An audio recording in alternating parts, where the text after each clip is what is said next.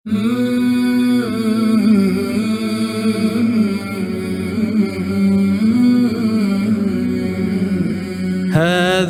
لقاء الصالحين مسامرة مع خير أحبابي وخير محاضرة.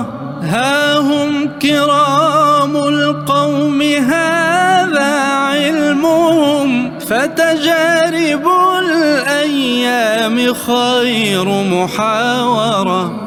حاورهم ثم اقتبس من نورهم واشرح لنا تلك الرياض الناظرة.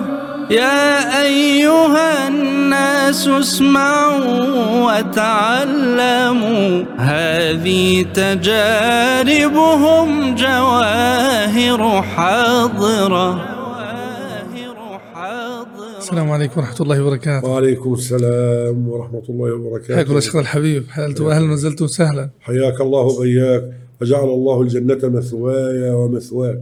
آمين آمين. جزاكم الله عنا خيرا شيخنا الله يحفظكم. شيخنا يعني نستأنف ما قد بدأناه مع فضيلتكم في الحلقة الماضية. فضل شيخنا الحبيب تربطكم علاقة طيبة مع مشايخنا وعلمائنا ودعاتنا بفضل سبحانه وتعالى آه، وقد استضفتموهم بفضل سبحانه وتعالى سواء كان في القماش في بيتكم العامر في أماكن مختلفة بفضل سبحانه وتعالى. وهذا إن دل فإنما يدل على هذه الأواصر القوية بينكم بفضل سبحانه وتعالى والعلاقة الوطيدة. الذي أود أن أشير إليه شيخنا الحبيب أو أن أسأله فضلتكم عليه أو أن أسأل فضلتكم عليه ما هي العلاقة التي ينبغي أن تكون بين العلماء وطلبة العلم والدعاة؟ وأثر هذه العلاقة على الناس عموما وعلى الدعوة خصوصا؟ تفضل شيخ الحبيب. بسم الله والحمد لله والصلاة والسلام على سيدنا رسول الله محمد صلى الله عليه وآله وصحبه وسلم. ثم أما بعد. فأولا أذكر نفسي والمشاهدين والمشاهدات بآيات من الذكر الحكيم حيث قال رب العالمين في أول آية أنزلت في كتابه اقرأ باسم ربك الذي خلق. فنحن أمة اقرأ أمة علم. والله تعالى قال في شأن العلماء إنما يخشى الله من عباده العلماء. أي أن العلماء أكثر الناس خشية من الله لأنهم أعرف الناس بأسمائه وصفاته وأحكامه وأخباره. نعم. وكذلك ربنا جل وعلا قال في كتابه الكريم يرفع الله الذين آمنوا منكم والذين أوتوا العلم درجات. نعم. قلت فأهل العلم رفعوا مرتان مرة لأنهم من أهل الإيمان ومرة لأنهم من أهل العلم والله تعالى قال إخبارا عن رسوله وقل رب زدني علما فلم يطلب الزيادة من شيء إلا من العلم الشرعي والله جل وعلا جعل شهادة أولي العلم مع شهادته جل وعلا وشهادة ملائكته على خير مشهود وهو توحيد الله عز وجل. فقال تعالى شهد الله أنه لا إله إلا هو والملائكة وأولو العلم قائما بالقسط لا إله إلا هو العزيز الحكيم. هذه جملة من الآيات الزاكيات المباركات التي تبين مكانة أهل العلم الشرعي الذين أسسوا علمهم على الوحيين بفهم الصحابة الكرام رضوان الله تعالى عليهم. هذا أولا. نعم. وثانيا أذكر نفسي والمشاهدين والمشاهدات بالحديث الثابت في صحيح مسلم من سلك طريقا يلتمس فيه علما سهل الله له به طريقا من الجنة. أو كما قال صلى الله عليه وسلم. صلى الله عليه وسلم. ونفس الحديث في صحيح مسلم حديث أبو هريرة هو نفس الحديث. نعم. ما اجتمع قوم في بيت من بيوت الله يتلون كتاب الله ويتدارسونه فيما بينهم إلا نزلت عليهم السكينة وغشيتهم الرحمة وحفتهم الملائكة وذكرهم الله في من عنده. والحديث من دعا إلى خير فله أجر من تبعه لا ينقص ذلك من أجورهم شيئا. أي نعم أو كما قال صلى الله عليه وسلم. سنة والحديث لأن يهدي الله بك رجلا واحدا خير لك من حمر النعم. بعد هذه الطائفة من مشكاة النبوة وبعد تعبدنا بتلاوة بعض الآيات الزاكيات من كلام رب الأرض والسماوات سبحانه أقول مستعينا بالله عز وجل أن الله جل وعلا شرفني بحضور مجالس عديدة لسماحة شيخنا الإمام عبد العزيز بن عبد الله بن باز رحمه وذلك في الحرم المكي في رمضان وفي الأجازة نصف العام الدراسي وفي الأجازة الكبيرة. كنت أتردد في هذه الأوقات على الحرمين فتكتحل عيني برؤية سماحة شيخنا الإمام عبد العزيز بن عبد الله بن باز وحضور كثير من دروسه. كذلك كنت أحضر لسماحة شيخنا فقيه الزمان محمد بن الصالح العثيمين في الطابق الثاني بالحرم المكي وذلك بعد الفجر وبعد التراويح. أي نعم. وكذلك كنت أحضر في الحرم المدني للشيخ محمد عطية سالم اللي هو تلميذ آه، الشيخ الشنقيطي تبع أضواء البيان. نعم مفسر. ورحمة الله عليه عليهم. وكنت أحضر لفضيلة الشيخ أبو بكر بن جابر الجزائري رحمه ولغيرهم من أهل العلم. أي نعم. وكذلك في الحرم المكي كنت أحضر للشيخ ابن بسام صاحب تيسير العلام شرح نعم. الأحكام صاحب توضيح الأحكام في شرح بلوغ المرام. وكان رئيسا لمحكمة التمييز في فكة مكرمة كان عضوا لهيئة كبار العلماء وكان زميلا لشيخنا ابن عثيمين في طلب العلم عند العلامة عبد الرحمن بن ناصر السعدي في القصيم في نعم عنيزة.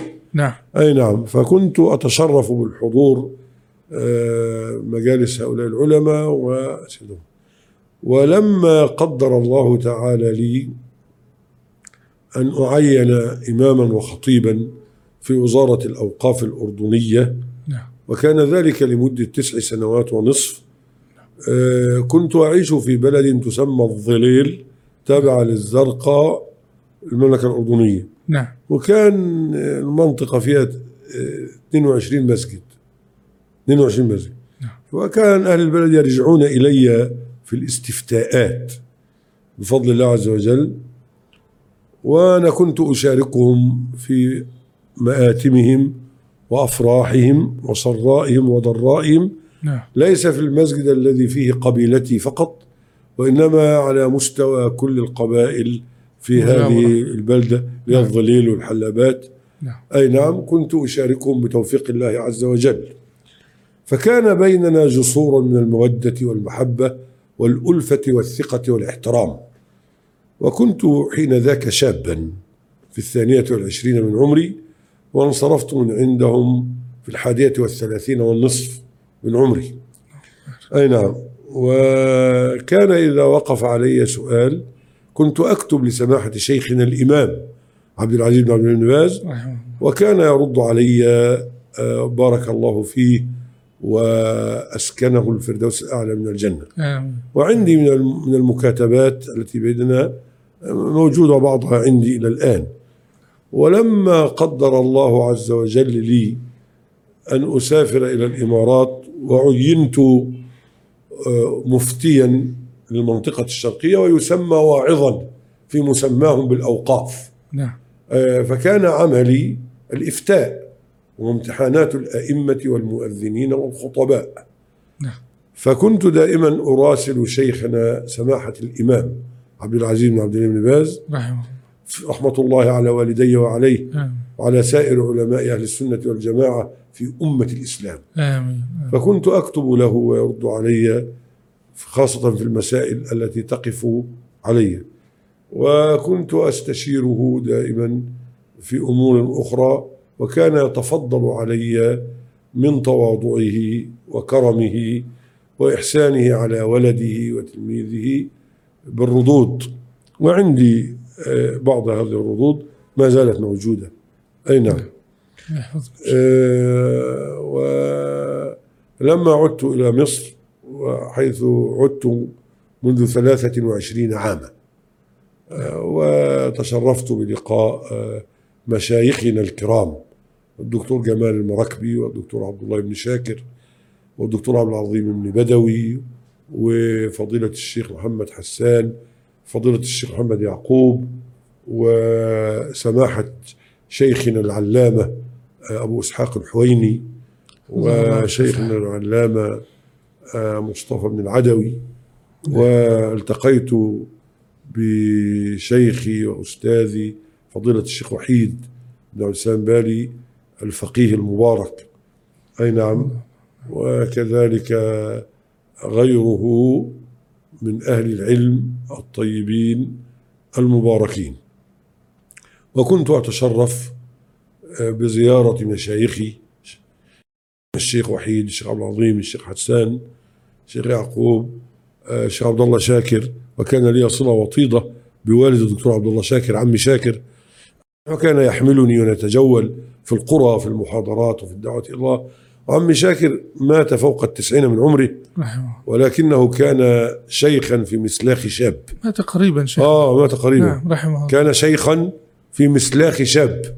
كان ذو قوة ويعني وهمة في الدعوة إلى الله وكان يشجعنا ويحملنا دائما. وكنت أنا أخطب وأدرس في مسجد عمر بن الخطاب ببنها وكذلك في مسجد التابعين عند الحج شعبان. أي نعم في بنها. نعم. وكنا نجوب مصر بفضل الله عز وجل سائر المحافظات خطابة ومحاضرة بفضل الله عز وجل. نعم. أي نعم. ونسأل الله أن يعيد ذلك آمين. مرة أخرى. آمين. وأن آمين. يوفق ولاة أمورنا آمين. إلى فتح باب الدعوة للعلماء الربانيين والدعاة الصادقين وأن يمكنوا لهم فإن الله تعالى قال في كتابه الكريم ولو أن أهل القرى آمنوا واتقوا لفتحنا عليهم بركات من السماء والأرض.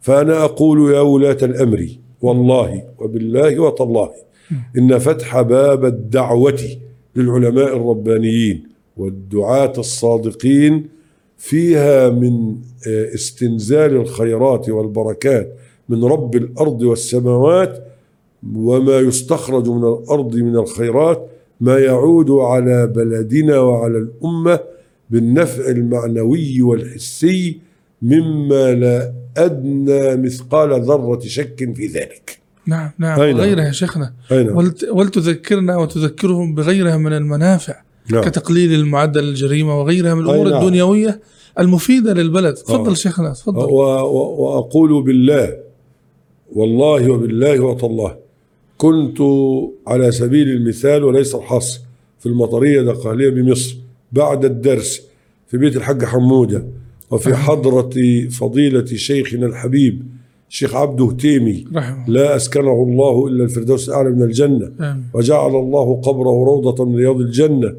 هذا الصديق الصدوق الحميم الذي كان يعني في مقام أخي وولدي وتلميذي وشيخي.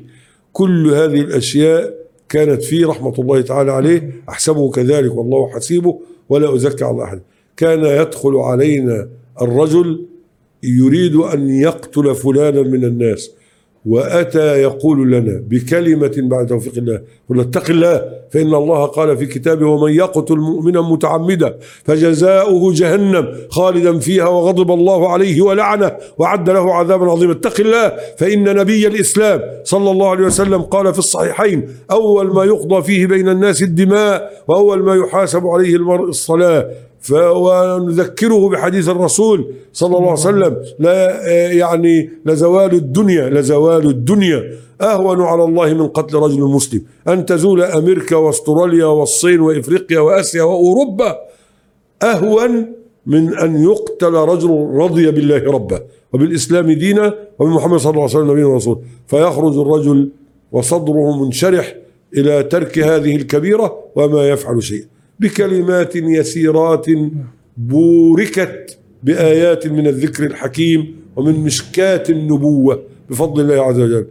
هؤلاء العلماء الربانيين والدعاة الصادقين فيها الخير والنفع للأمة خاصة أنه ليس هناك من هؤلاء العلماء من يتطلع أن يكون رئيس دولة وأن أن يكون محافظ أو وزير أو عضو مجلس الشعب أو عضو مجلس الشورى أو عضو نقابة لا يريد شيئا من أشياء الدنيا. نعم. فقط يريد أن يرضى الله تعالى عنه. فقط يريد أن يعود هو والناس شيبا وشبابا رجالا ونساء مثقفون وأميون مدنيون وريفيون. إلى الكتاب وصحيح السنة بفهم سلف الأمة معتقدا وقولا وعملا ومنهجا وسلوكا وواقعا حيا ليطبقوا قول الله جل وعلا واعتصموا بحبل الله جميعا ولا تفرقوا.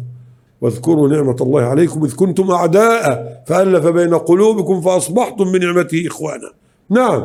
لا يريد إلا رضاء الله عز وجل. فأسأل ربي بأسمائه الحسنى وصفاته العلى أن يوفق ولاة الأمر إلى ما فيه خير البلاد نعم. والعباد. نعم. واحد بيسمع هذه الحلقة يقول آه الشيخ بدأ يحليط ويزليط ليس عندنا حليطة ولا زليطة إن من علامات رجل السنة أن يدعو لولاة الأمر بالتوفيق إلى ما فيه خير البلاد والعباد. نعم. كذا قال سلفنا الصالح أما تلوت مرة وأطيعوا الله وأطيعوا الرسول وأولي الأمر منكم؟ هذه آية في كتاب ربنا. ها؟ نعم. أما سمعت الحديث عند الترمذي بإسناد صحيح اتقوا الله وصلوا خمسكم وصوموا شهركم وأدوا زكاة أموالكم وأطيعوا أمراءكم وطاعة أمرائنا فريضة في طاعة الله. عز وجل حيث قال النبي عليه الصلاة والسلام لا طاعة لمخلوق في معصية, في معصية الخالق. وقال النبي عليه الصلاة والسلام إنما الطاعة في المعروف. إنما الطاعة في المعروف. أيها المباركون صنفان من الناس. إذا صلح صلح الناس. العلماء والأمراء. وهذه ليست آية ولا حكم ولا حديث إنما هي حكمة. صنفان من الناس إذا صلح صلح الناس العلماء والأم والأمراء. ربنا قال له أطيعوا الله وأطيعوا الرسول وأولي الأمر منكم.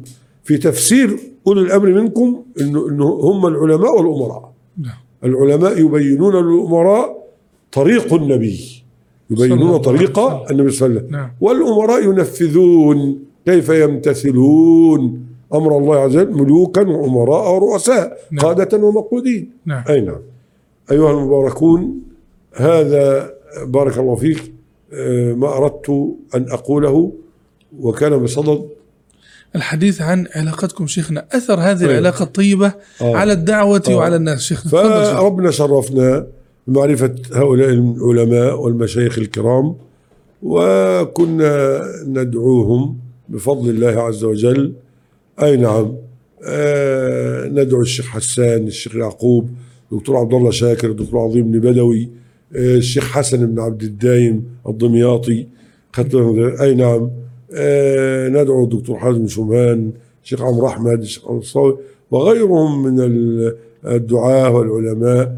وندعو الشيخ وحيد في خطب ومحاضرات ودورات في الفقه ودورات في القرآن ودورات في كذا. نسأل الله أن يجزي الجميع خير الجزاء. وغيرهم من أسيادنا من أهل العلم. أي نعم. والحمد لله أقيمت جسور المودة والمحبة والثقة والاحترام. آه، ولا شك أن هذا يعود على الطلاب بخير كثير. فالحمد لله مثلا أقمنا مجلسا حوالي 12 يوما في الإسكندرية. اللهم أي نعم بارك. في موطأ مالك وفي صحيح مسلم وغيره وفي سنن أبي داود. أي. نعم. فالطلاب قالوا آه، أننا استفدنا كثيرا جدا وخير ما استفدناه معاملتكم مع بعضكم.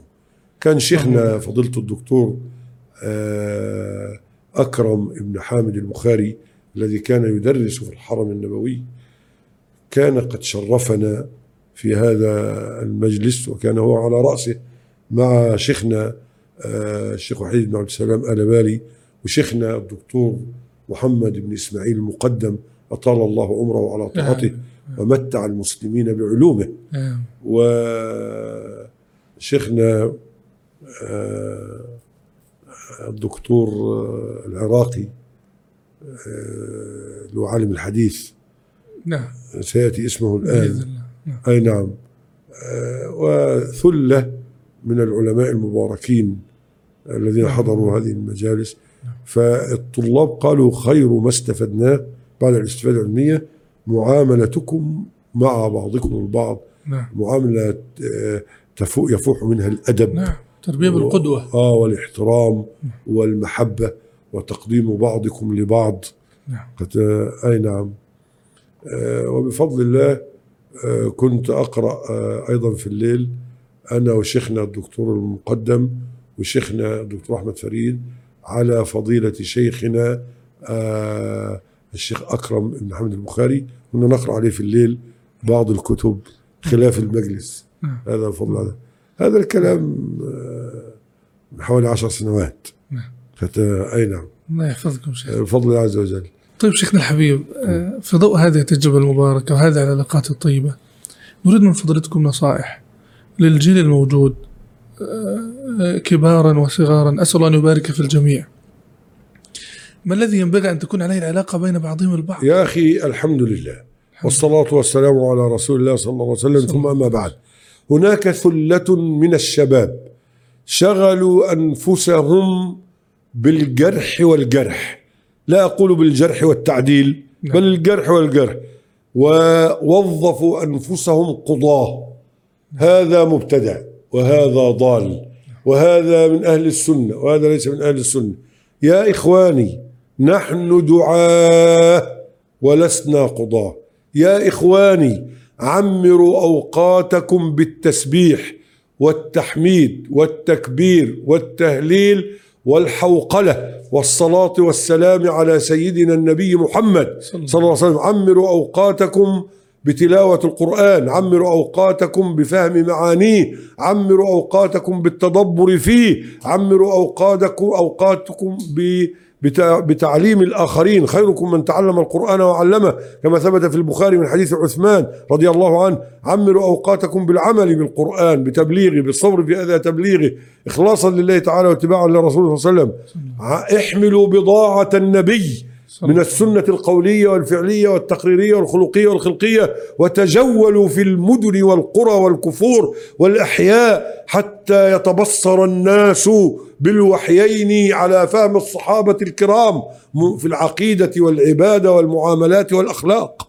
يا إخواني انظروا كم في الأمة من تارك الصلاة. خذوا بأيديهم إلى الله. كم في الأمة إلى الآن يذبح للبدوي ويستغيث بالحسين ويذهب إلى الصحراء والكهنة والعرافين والمنجمين. أليس هذه الأعمال أعمال كفرية؟ إيه، تخرج الإنسان من الملة إذا ذبح لغير الله إذا نظر لغير الله إذا استغاث بغير الله إذا طاف حول الضريح تقربا لصاحب الضريح إذا حلف بغير الله. أليس هذا من الشرك الأصغر؟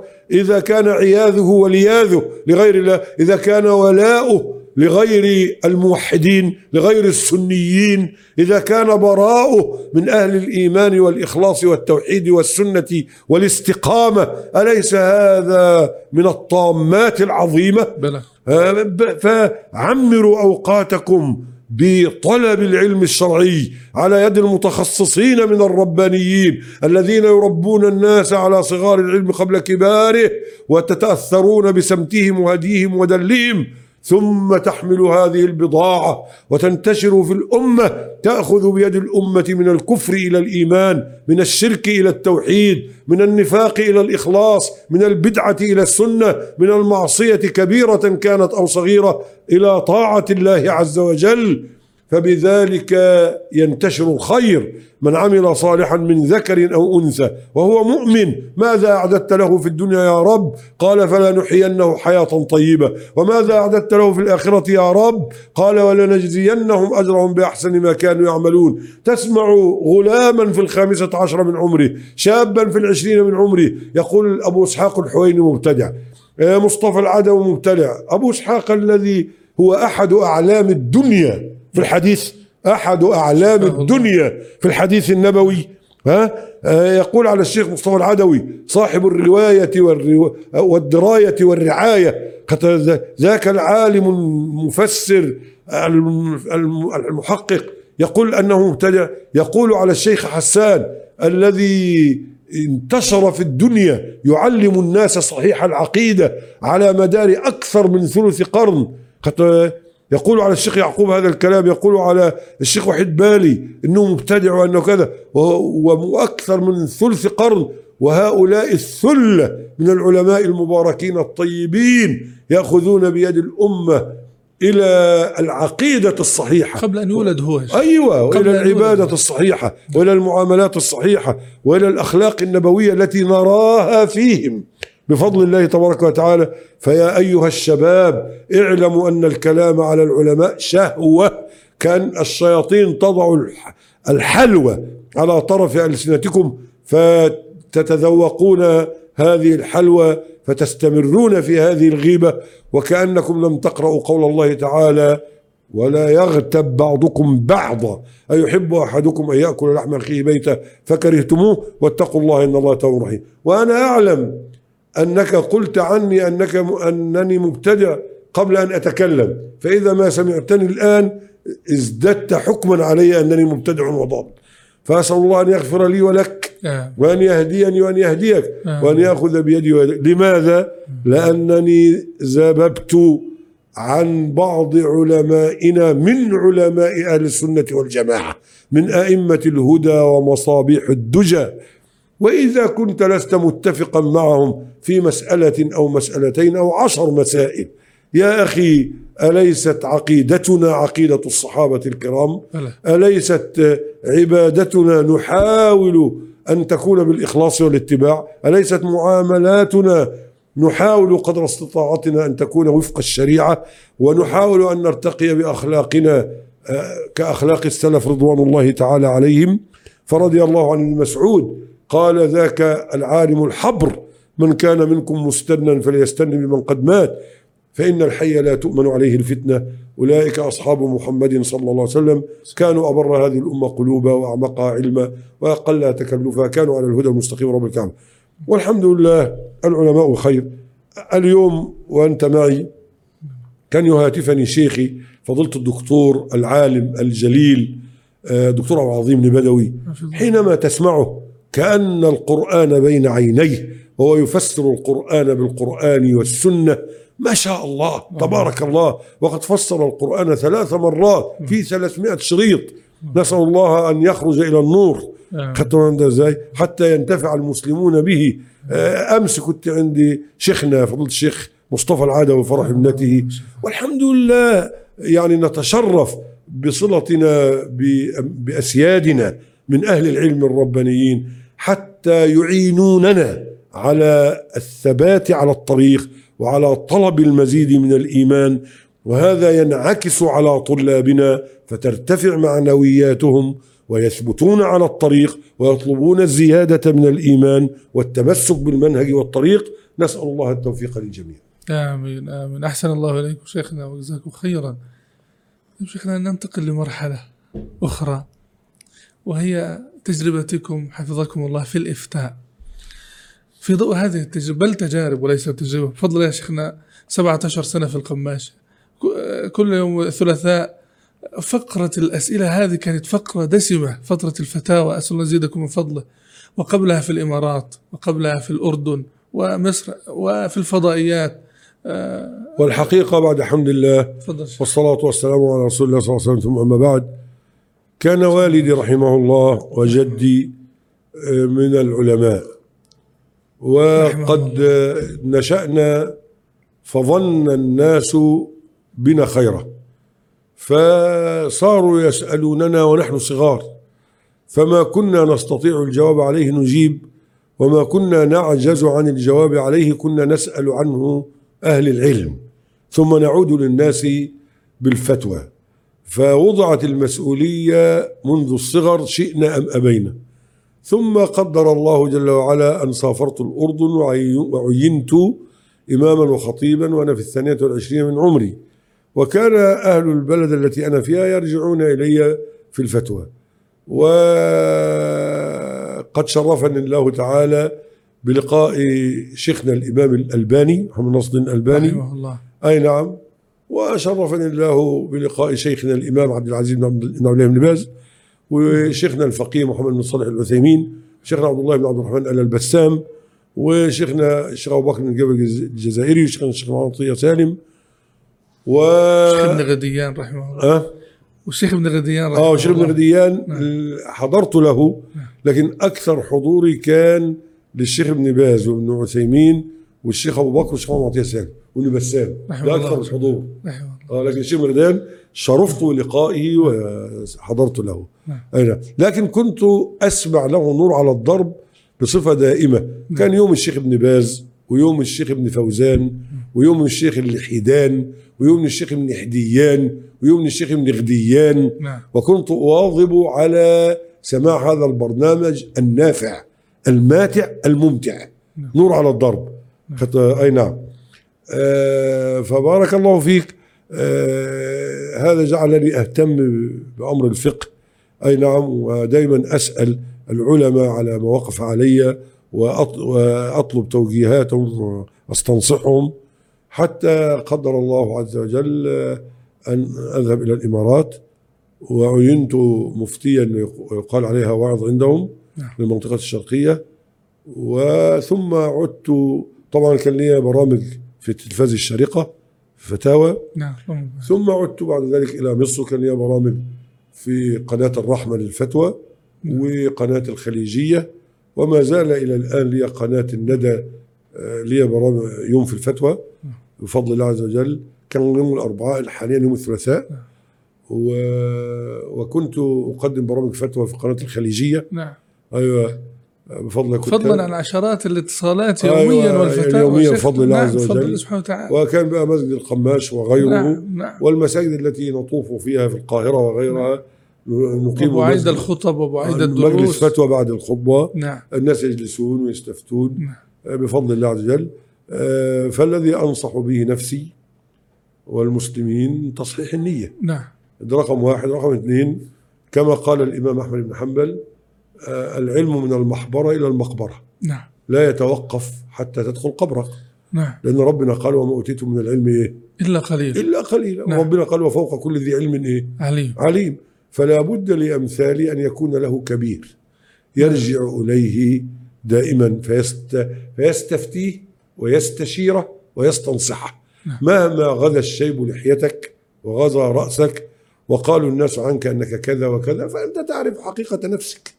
نعم. أن الذي يجهله الإنسان أكثر مما الذي أكثر من الذي يعلمه. نعم. الذي يجهله الإنسان أكثر من الذي يعلمه. فربنا قال بل الإنسان على نفسه بصيرة. والإنسان منا كطالب علم يشعر كل يوم بالجهل. ليه؟ لأنه يقرأ أشياء ما وقف عليها قبل ذلك. نعم. فيقول ما أجهلني. وصلت إلى هذا العمر وغدا الشيب لحيتي. وكنت ما زلت جاهلا لهذا. قد عجيب. وأحيانا الإنسان يجهل شيء يتعلمه من أحد طلابه من خلال الدرس فيقول له أحسنت والله لقد أوقفتني على فائدة ما وقفت عليها قبل ذلك. فيشجع الطالب ويتعلم من طلابه. نعم. أي نعم. إذا شيخنا ما الذي ينبغي أن يتحلى به المفتي؟ تصحيح النية وطلب العلم الشرعي الدائم وأن يكون له كبير مهما كبر وأن يوسع صدره وأن يكون على صلة دائمة بالبحث والاطلاع وأن يستفيد من غيره. يعني غيره بيفتي يقعد يسمع له. نعم. بواحد واثنين وثلاثة. خدت حتى يسمع لمن هو فوقه ويسمع لمن هو في طبقته ويسمع لمن هو دونه. مرة أخرى يسمع لمن هو فوقه. نعم. ويسمع لمن هو في طبقته. ويسمع لمن هو دونه. فيستفيد من الجميع. حتى ثم يسأل نفسه لماذا أفتي؟ دائما أمر تصحيح النية. أين؟ ويوسع صدره بارك الله فيك لأنه يدخل السرور على الناس إذا أجابهم وإذا حل مشاكلهم ما استطاع إلى ذلك سبيلا. وهو ما دام آه، في يعني مثلا أنا على سبيل المثال نعم. تعرضت إلى مسألة من حوالي شهر. واتصلت بفضيلة شيخنا الشيخ وحيد بن عبد السلام بالي. أي نعم. آه وحضر عشر علماء غيره. أي نعم وجعلنا على هاتف واحد. وجعل وأخذنا نتباحث في المسألة. هاتفين كل واحد في بلده. خدنا هنا زي نعم. نتباحث في المسألة. نعم. ثم خرجنا في الموضوع بوصايا. واحد اثنين ثلاث نعم. هذه المسألة كان عرض أنا عرضت إليها. والناس قدموا إلي من بلاد أخرى. يعتبر نازله ان صح آه التعبير من بلاد أخرى. نعم. وأنا خشيت إنني أفصل في المسألة لوحدي. خط... احسن الله. فاتصلت بالشيخ وحيد قلت له الموضوع كذا كذا. فنريد أن تعلمونا وأن تشاركونا خط- فالشيخ الله يرضى عنه جمع عشرة وتباحثوا في المسألة. ثم اتصل بي وقعدنا إحنا كلنا بقى إيه كل واحد يذكر إيه اللي عنده. ثم خرجنا بوصايا ثم نقلنا هذا الموضوع. كان حادث يعني. نعم. أيوه حصل له أكثر من إصابة وعاوزين نقرر إيه، له كم ديه نعم. وهو ما زال على قيد الحياة. إن أحيانا لو واحد مات بقى له ديه واحدة نعم. أما واحد ممكن على حي بقى له ديتين أو ثلاثة هو. حي. وحي آه فالمسألة كانت واقعية والناس أتوا الي من بلد أخرى. نعم. فالمهم إيه دي كان يعني أقصد أقول إن لابد أن يكون لك كبير. نعم. كت- آه، ترجع وتتباحث معه. ولما تتباحث مع العالم آه، بأدب. تقول له يا شيخنا يعني فضلتك تفضلت عليه وقلت كذا لكن من باب التعلم آه، لماذا قلتم كذا؟ نعم. هذا ليس من باب المجادلة يا شيخنا وإنما من باب التعلم لأنني كما تعلم طالب علم أريد أن أنقل للناس ما تفضلت به علي فأكون على بصيرة مما طرحته علي. فلا يضيق صدر العالم وفي نفس الوقت يخلص فيعطيك اغلى ما عنده. نعم. وهذا من فضل الله ثم من من توفيق الله لك في الأدب نعم. في السؤال والاستماع وال والمناقشة والقبول وكذا نعم. إلى غير ذلك. نعم. آه. الله يحفظكم شيخنا. إذا شيخنا فلتتحفونا بدرر مختصرة مركزة ما هي توجيهات فض- فضيلتكم ونصائحكم لكل من يتعرض للإفتاء؟ الحمد لله والصلاة والسلام على رسول الله صلى الله عليه وسلم. ثم أما بعد اولا أنا أقل من أن يطرح علي هذا السؤال. رضي الله وإنما عنكم. يطرح على من هو فوقي. رفع الله قدركم شيخنا هذا اولا. ولكن بما أنه طرح أقول أسأل الستير أن يسترني بستره وأن يجعلني خيرا مما يظنون ولا يفتني بما يقولون وأن يغفر لي ما لا يعلمون. نعم. ثانيا المفتي لا يتوقف عند الحد العلمي الذي وصل إليه.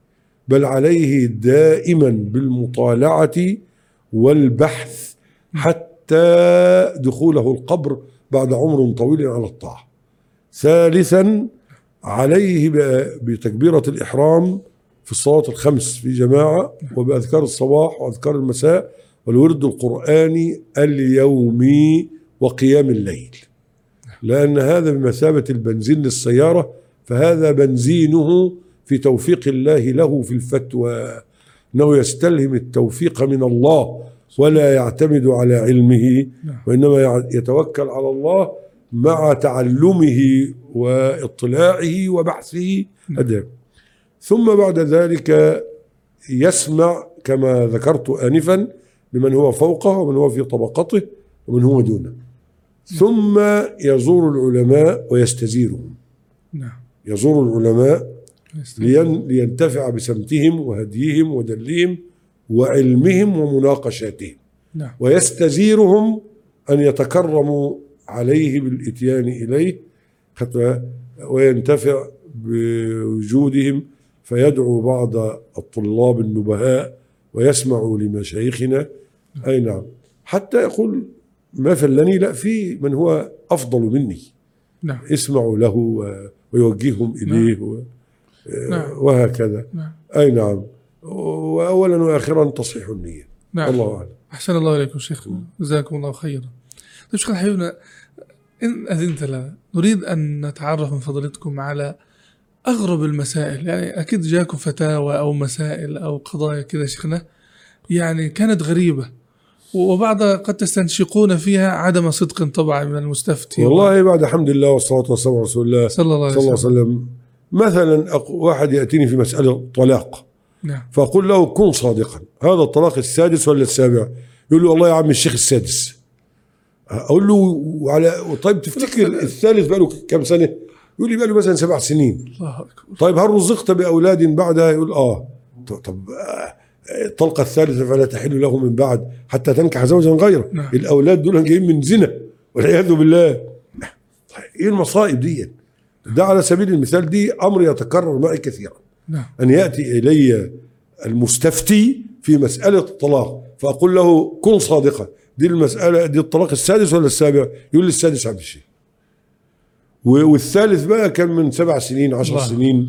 الله. فهذه مصيبة منتشرة في الأمة. نعم. ينبغي على طلاب العلم أن يكثروا من التحذير منها في خطبهم ومحاضراتهم ولقاءاتهم المرئية والمسموعة والمقروءة. حتى حتى يأخذوا بيد الأمة إلى العلم الصحيح يعني نعم. هذه على سبيل المثال آه مثال ثاني آه مثلا آه جاني أب وابنه في بلد ما نعم فجايني في مسألة ميراث فبسأل الأب عندك كم سنة؟ خدتها إزاي؟ فالأب طلع عنده بارك الله فيك 45 سنة والابن 50 سنة فقعدت عليه من السؤال عجيب كيف يكون الابن أكبر من الأب؟ أيوة. لأن هؤلاء لا يحبون ذكر السن الحقيقي نعم؟ نعم فجعل الأب نفسه أصغر من الإيه؟ من الابن، وهذا شيء يستحى منه، لكن هذا الذي حدث على سبيل المثال، هذه الثانية. الثالثة من ضمن يعني آه أن رجلا أتى إلي فشكى لي أنه لا ينشط لإتيان أهله. نعم. فقلت له هل أنت تحافظ على الصلاة الخمس؟ قال نعم. والأذكار نعم. قلت فلما طرحت عليه جملة من الأسئلة نعم. وقلت له افعل كذا. فلم يوفق. قلت وكان قد أتاها قبل ذلك. قلت لعلها تكون أختك وأنا لا أدري. فسأل فطلعت أخته في الرضاعة. الله أكبر. أي نعم. سبحان الله. سبحان الله. نعم. سأل وأنا لا أدري. طلعت أخته في الرضاعة. سبحان الله. ورضعوا إيه؟ مش رضعتين ولا ثلاثة؟ كثير. الله أكبر. مع بعضه وأنت تعلم إن خمس رضعات تحرم. نعم. خد- فحصل إيه؟ فسخ. أي نعم. وتزوجت المرأة والرجل تزوج. سبحان الله. آه، هذا على سبيل المثال يعني. نعم. آه، أيضا آه، كنت أسأل رجلا متقدما للإمامة قلت له يعني أنت تعلم لو عندنا أربعين شاة سائمة حال علي الحول. يكون فيها شاة قال لي صحيح. قلت له لو عندنا 40 كلب كم يكون عليهم؟ قال لي كلبا. نسأل الله الهداية. والإنسان إذا اقتنى الكلب إن كان غير معلم أو غير صيد يخصم من أجره قراطين في اليوم وفي رواية قراط. وإذا به يقول هذا. نسأل الله أن يفقهنا في ديننا. وآخر سألته هل يجوز الطواف حول ضريح الحسين بغير وضوء؟ قال يجوز والأولى أن يكون متوضئا. قلت اتق الله يا رجل إن الطواف لا يجوز إلا حول الكعبة المشرفة. لا يجوز حول ضريح نبي مرسل ولا ولي مقرب نعم ولان الطواف عبادة والعبادة لا تصرف إلا لله وإن صرفت لغير الله كانت شركة والله تعالى قال فاعلم أنه لا إله إلا الله واستغفر لذنبك. والله تعالى قال إن الله لا يغفر أن يشرك به. ويغفر ما دون ذلك لمن يشاء. والله تعالى قال ومن يشرك بالله فقد حرم الله عليه الجنة ومأواه النار وما للظالمين من أنصار. والله تعالى قال ولقد أوحي إليك وإلى الذين من قبلك لئن أشركت ليحبطن عملك ولا تكونن ولا تكونن من الخاسرين. فإذا قام الإنسان الليلة من العشاء إلى الفجر وكان مشركا يذبح لغير الله ينظر لغير الله يستغيث بغير الله عنده عياذ والعياذ بغير الله يطوف حول الأضرحة تقربا لاصحابها عنده ولاء لغير الله ورسوله والمؤمنين عنده براء من أهل الإيمان والتوحيد والإخلاص والهدى والاستقامة. هذا رجل كافر والعياذ بالله. فلا تقبل أعماله وإن بنى في اليوم ألف مسجد إلا بعد توبته من الشرك الأكبر نعم. واستقامته على توحيد صافي نقي. نعم. أي نعم. فهذه من الأمور العجيبة والغريبة التي لاقيت بعضها ونسأل الله أن يتوب علينا وعلى المسلمين. آمين آمين. طب موقف يحضرني الآن وأود أذكر تفضل. فضيلتك بشيخنا لما دعيتم ووفقكم الله وحفظكم لي. آه، عند سيدنا فضل الشيخ آه، وحيد بن عبد السلام آه، بالي كان في مسألة تفضل. قتل وكذا. أيوه. آه، ودخل آه، الشيخ الله يطول عمره الطاعة أدخل بعض الشهود أولا. نعم. فالشاهد أردت أن أستوثق منه. فقلت له أنت تصلي عشان أقبل شهادته ولا لا؟ قال طبعا. قلت له المغرب كم ركعة؟ قال لي أربع ركعات. قلت له المغرب أربع ركعات. طبعا الظهر والعصر والعشاء أربعة أما الصبح ركعتين والمغرب ثلاثة. فعلمت أن الرجل كذوب كذاب كذيب مكذاب. نعم. قد وان شهادته مردودة ولا تقبل. نعم. هذا على سبيل المثال وغيره كثير. والله. إذا شيخنا نستخلص من هذه الحديثة شيخنا الله يحفظكم. أنه لابد للمفتي أن يكون ذكيا فضلا. نعم. يعني جزاكم الله خيرا. تنبهتم لهذا. نعم. سألتم الرجل و... أذكر أننا كنا في الأردن. نعم. وكنا في قض يعني جاهة. نعم. إيه، يعني واحد مقتول واحد جاي لنا من أهل المقتول. نعم. فأنا الناس اتكلموا وجا دوري فقالوا أتكلم. قلت لهم عليكم عشرون حقة وعشرون جذعه وعشرون بنت مخاض وعشرون ابن لبون وعشرون بنت لمون. نعم. خمس عشرينات من الإبل. نعم. فالرجل قال رجل شيخ قبيلة قال والله يا رجل لو اجتمع أهل البلقة عشان يجمعوا اللي انت قلته ما يجمعوا قلت له يا شيخ أنت تريد دين ولا تين؟ قال أريد دين. قلت هو الدين قال كده قال الدين على راسي. سمعنا وأطعنا يا دين. راجل كبير في السن وكبير في المقام. قلت نعم الرجل أنت. طيب جزاه الله يعني عبودية. لله و- و- وسرعة استجابة نعم. لما علم أن هذا أمر الله. حتى أي نعم. نعم. وكان من قبيله تسمى قبيله بني حسن. نعم. الله يحفظكم. أحسن الله لكم شيخنا. آه، هذا يدعونا شيخنا لأنه عرج على تجربتكم المباركه في القضاء العرفي والجلسات العرفية والصلح بين الناس. يعني كم حقنت من دماء بفضل الله سبحانه وتعالى ثم بفضل جهودكم وكم أحق من حق وبرئ المظلوم ويعني جزاكم الله والله خير. بعد الحمد لله والصلاة والسلام على رسول الله صلى الله عليه وسلم. صلى الله عليه وسلم. ثم أما بعد اللهم اجعلني خيرا مما يظنون ولا تفتني بما يقولون واغفر لي ما لا يعلمون. هذا أولا. ثانيا أنا أفر من القضاء فرارك من الأسد. لما أقول له أنا راجل بتاع فتوى. تسألني أفتيك لكن في بعض المواقف بنتدبس. يعني يعني إكراها يعني.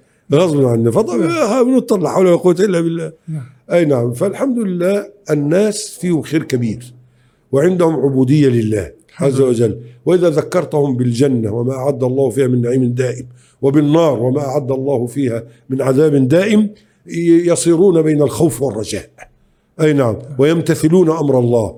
بفضل الله تبارك وتعالى ويسمعون ويطيعون. جزاهم الله خير. وبكلمات يسيرات يرجعون إلى الله عز وجل. وهذا من دلالة الخيرية في الناس وأن الناس في حاجة إلى من يثقوا فيه.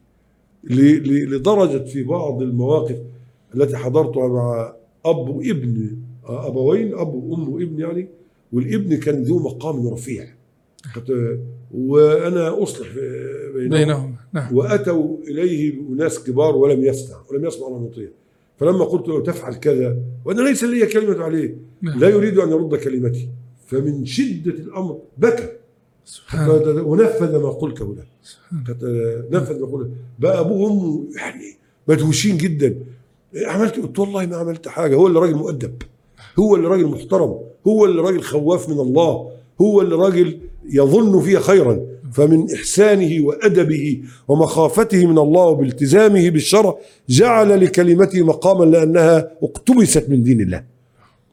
فالناس فيهم خير.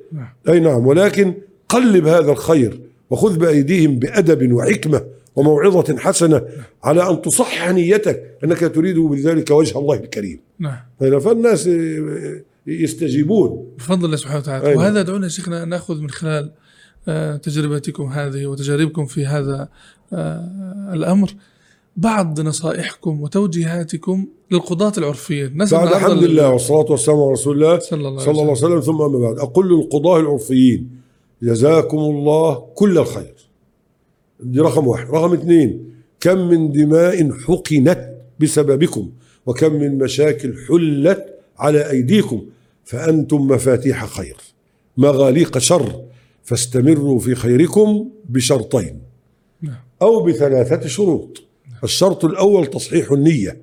الشرط الثاني عودوا إلى علمائكم الربانيين ولا تفصلوا في القضاء في القضايا إلا بامتثال أمر الله فاسألوا أهل الذكر إن كنتم لا تعلمون. أو بإحضار طالب علم شرعي متين معكم في مجلسكم ليبصركم بالحلال والحرام والحق والباطل. لماذا؟ لأن أنا سأعطيك بعض الأمثلة. وهم لا يريدون فيها إلا الخير. نعم. مثلا آه، واحد قتل واحد خطأ. نعم. وما كان لمؤمن أن يقتل مؤمنا إلا إيه؟ خطأ. إلا خطأ. نعم. طيب فيأتي ناس كبار في العيلة وال- والراجل اللي مات ده عنده ولد عنده عشر سنين ولد عنده ثلاث سنين وولد عنده 18 فيقولوا إحنا تنازلنا عن الدية. ليثبتوا مروءتهم ورجولتهم ونخوتهم وفحولتهم وعلو قبيلتهم. في هذا هل هذا يجوز؟ لا يجوز لأن في أطفال لم يبلغوا الحلم. نعم. والدية هذه ميراث لهؤلاء. لهؤلاء. نعم. فكيف تتنازل عما لم يتنازل عنه صاحب الحق؟ هذا محرم وأكل لأموال الناس بالباطل نعم. هذه مسألة موجودة كانت موجودة وما زالت موجودة. نعم. لو أن في عالم أو طالب علم شرعي متين هيبين. نعم صحيح. آه، مثلا مسألة ثانية. آه، واحد مات وبعد ما مات أقاموا له سرادق وأتوا بمقرئ من الإذاعة. الليلة اتكلفت كام؟ اتكلفت لها 80 ألف جنيه. أيوة. وبعدين يجلسون يقسمون الميراث ويحسبون ال 80 ألف جنيه من رأس الكوم أول حاجة دي بدعة. إقامة السرادق والمأتم والمقرئ بدعة. وكل بدعة إيه؟ ضلالة. ضلالة. وكل ضلالة إيه؟ في النار. في النار. ده رقم واحد. والميت هيسأل عنه ويعذب إلا أن يكون قد تبرأ من ذلك قبل أن يموت. نعم. طيب واللي تسبب في الموضوع ده يبشر بالايه بال- بالسيئات وال...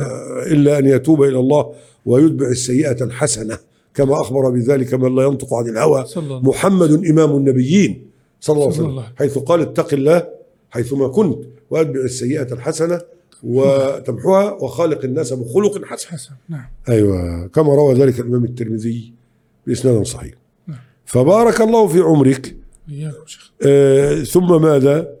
نتحدث عن نصائح وتوجيهات. أي نعم. فكذلك أيضا هناك يجي يقسم الميراث. يطلع 80000 الميراث لا 80000 دي- في أطفال يتامى خطر ما استشيروا في أمر السرادق وليس لهم رأي لأنهم ما بلغوا سن الحلم. فأنت تتحمل هذا. يعني المعاصي والفلوس تتحملها مش انت عامل راجل حمل الفلوس والمعاصي ففرد صدرك. ما يعرفون آه، دي رقم اثنين مثلا آه رقم ثلاثة. على سبيل المثال وليس الحصر نعم. راجل كان عنده أربعة أولاد بنتين وولدين. جوز بنت وولد. البنت خدت لها 150 ألف الولد خد له 200 ألف. مثلا نعم. هذا وارد ولا غير وارد؟ يعني وارد في أعمال الناس ولا لا؟ وارد. وارد. وارد جدا. فمات. ففضل ولد وبنت ما يتجوزوش. يقول لك ناخد زواجهم من راس الكوم. لا. زواجهم من ميراثهم زواجهم من ميراثهم وليس من راس الكوم. طب افرض اخوانه الورثة اتفقوا وتراضوا على ذلك جائز. نعم. لكن هل يلزمون؟ لا يلزمون. طب هيقول لك باللهجه العاميه اشمعنا دولا ودولا لا. أقول ذلك فضل الله يؤتيه من يشاء. لماذا ذكرت هذه الأمثلة؟ نعيشها لأن هذه الأمثلة حدثت وما زالت تف- تفيد الاستمرار نعم. وما زالت تحدث. نعم. ويحكم فيها القضاة العرفيين. نعم. فأقول أيها القضاة العرفيون المباركون هذا لا يجوز. نعم. إذا لابد من العودة إلى العلماء. نعم. أو استحضار طالب علم شرعي متين يكون معكم يبصركم بأمر الدين. ومما اشتهر عند القضاة العرفيين حاجة اسمها البشعة. واحد سارق ولا مش سارق وطلع لسانه لو اتحرق يبقى سارق. ده كلام فارغ وباطل وضلال ويجب عليكم أن تتوبوا إلى التواب من موضوع البشعة لأنها من الضلالات. نعم. والله أعلم. صلى الله عليكم شيخ. طب نختم شيخنا ببعض القضاة العرفيين يا شيخنا طبعا يجيبوا طرف أنا بجيب عضو ولا اثنين والطرف الآخر بيجيب عضو ولا اثنين بعض القضاة هم ناس مباركون لكن المال ياخذ مبلغ عشان يعمل كذا ويرسل حق على فلان. الحمد لله والصلاة والسلام على رسول الله صلى الله عليه وسلم. صلى الله عليه ثم أما بعد أولا لعن الراشي والمرتشي. هذا حديث سيدنا النبي. صلى الله عليه وسلم. واللعن لا يكون إلا على كبيرة. نعم. ومعناه الطرد من رحمة الله. نعم. ثانيا هذا لا يصلح قاضي في أي مسألة. انتهى الموضوع. قد- وقد ظلم نفسه. وظلم غيره. والله تعالى قال ولا تركنوا إلى الذين ظلموا فتمسكم النار. نعم. والله جل وعلا قال ما للظالمين من حميم ولا شفيع يطاع. وفي صحيح مسلم من حديث أبي ذر رضي الله عنه أن النبي صلى صلى الله عليه وسلم قال فيما يرويه عن رب العزة عز وجل إني حرمت الظلم على نفسي وجعلته بينكم محرما فلا تظالموا وقد أمرنا الله بالعدل ونهانا وحرم الظلم وندبنا إلى الإحسان. قال تعالى إن الله يأمر بالعدل والإحسان وإيتاء ذي القربى وينهاكم عن الفحشاء والمنكر والبغي. فأمرنا بالعدل ونهانا عن الظلم وندبنا إلى الإحسان. والله أعلم. أحسن الله إليكم شيخنا حقيقة شيخنا الحديث معكم ذو شجون. لو. استمررنا حتى الصباح جزاك الله خير. ما مللنا أبدا من الحديث معكم. وجزاكم الله خيرا أحسن الله على إليكم ما أجدتم وأفدتم. جزاك الله جزاكم الله خير شيخنا الحبيب. أحسن الله إليكم. وإليكم وأسأل الله أن ينفع بكم وأن يجعل هذه الكلمات نافعة لنا ولغيرنا من المسلمين والمسلمات. آمين. فإنه ولي ذلك والقادر عليه. آمين. آمين. آمين. جزاكم الله خير شيخنا الحبيب. أيها الأحبة في ختام هذا اللقاء لا, ن... لا يسعنا إلا أن نشكر شيخنا الحبيب فضيلة الشيخ الدكتور أبو بكر الحنبلي حفظه الله تبارك وتعالى وبارك في عمره وعمله ونفع به وجعله مباركا أينما حل وحيثما كان. والشكر موصول لكم أنتم على المشاهدة والمتابعة. ولا تنسوا أن تشاركوا هذا الخير فمن دل على خير فله مثل أجر فاعله. والسلام عليكم ورحمة الله وبركاته.